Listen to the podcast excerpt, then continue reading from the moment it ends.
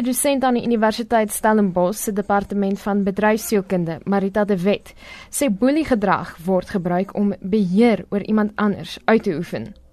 'n Boelie in die werksplek sal 'n slagoffer se beeld afkraak of die persoon doelbewus afsonder deur beperkte of selfs geen kommunikasie.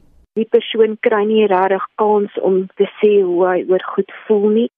En dan ook hierdie persoon kan werk gegee word wat nie op sy standaard is nie. Hierdie persoon is baie hoër gekwalifiseer die slagoffers baie keer en dan word daar werk gegee wat onder hierdie persoon se vlakke is. Hierdie persone word geïsoleer om hulle alleen te kry.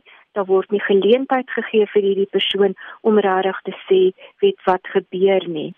Volgens haar is daar nie 'n spesifieke groep mense wat geteken word nie en 'n slagoffers dikwels goed gekwalifiseerd die boelie voel dat hy ondergeskik is aan hierdie persoon en hy probeer beheer toepas want die groot ding van boelie is daar is 'n magwandbalans tussen die persoon wat hy boelie en die persoon wat geboelie word. Dis vrouens dis mans dis jong werkers.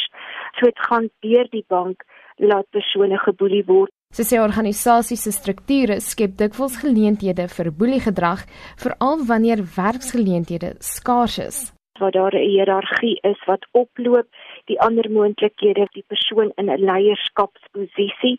Die lyn is so fyn wat 'n mens moet sny tussen wat is 'n goeie leier en wanneer begin jy 'n persoon boelie?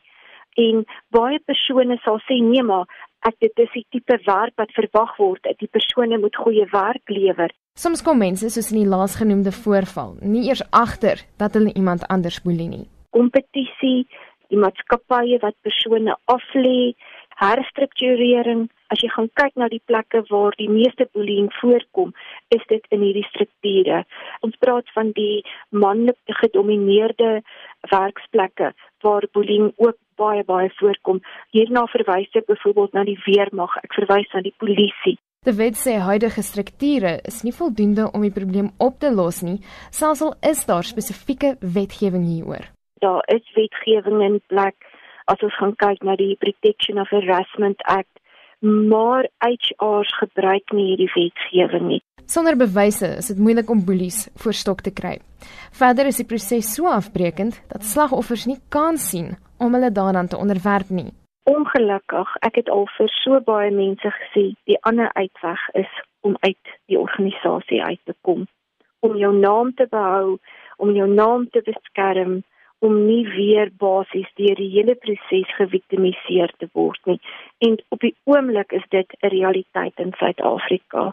Die posttraumatiese uitwerking op hierdie vlak veroorsaak dikwels dat slagoffers vir terapie moet gaan voordat hulle by 'n ander organisasie kan aansluit.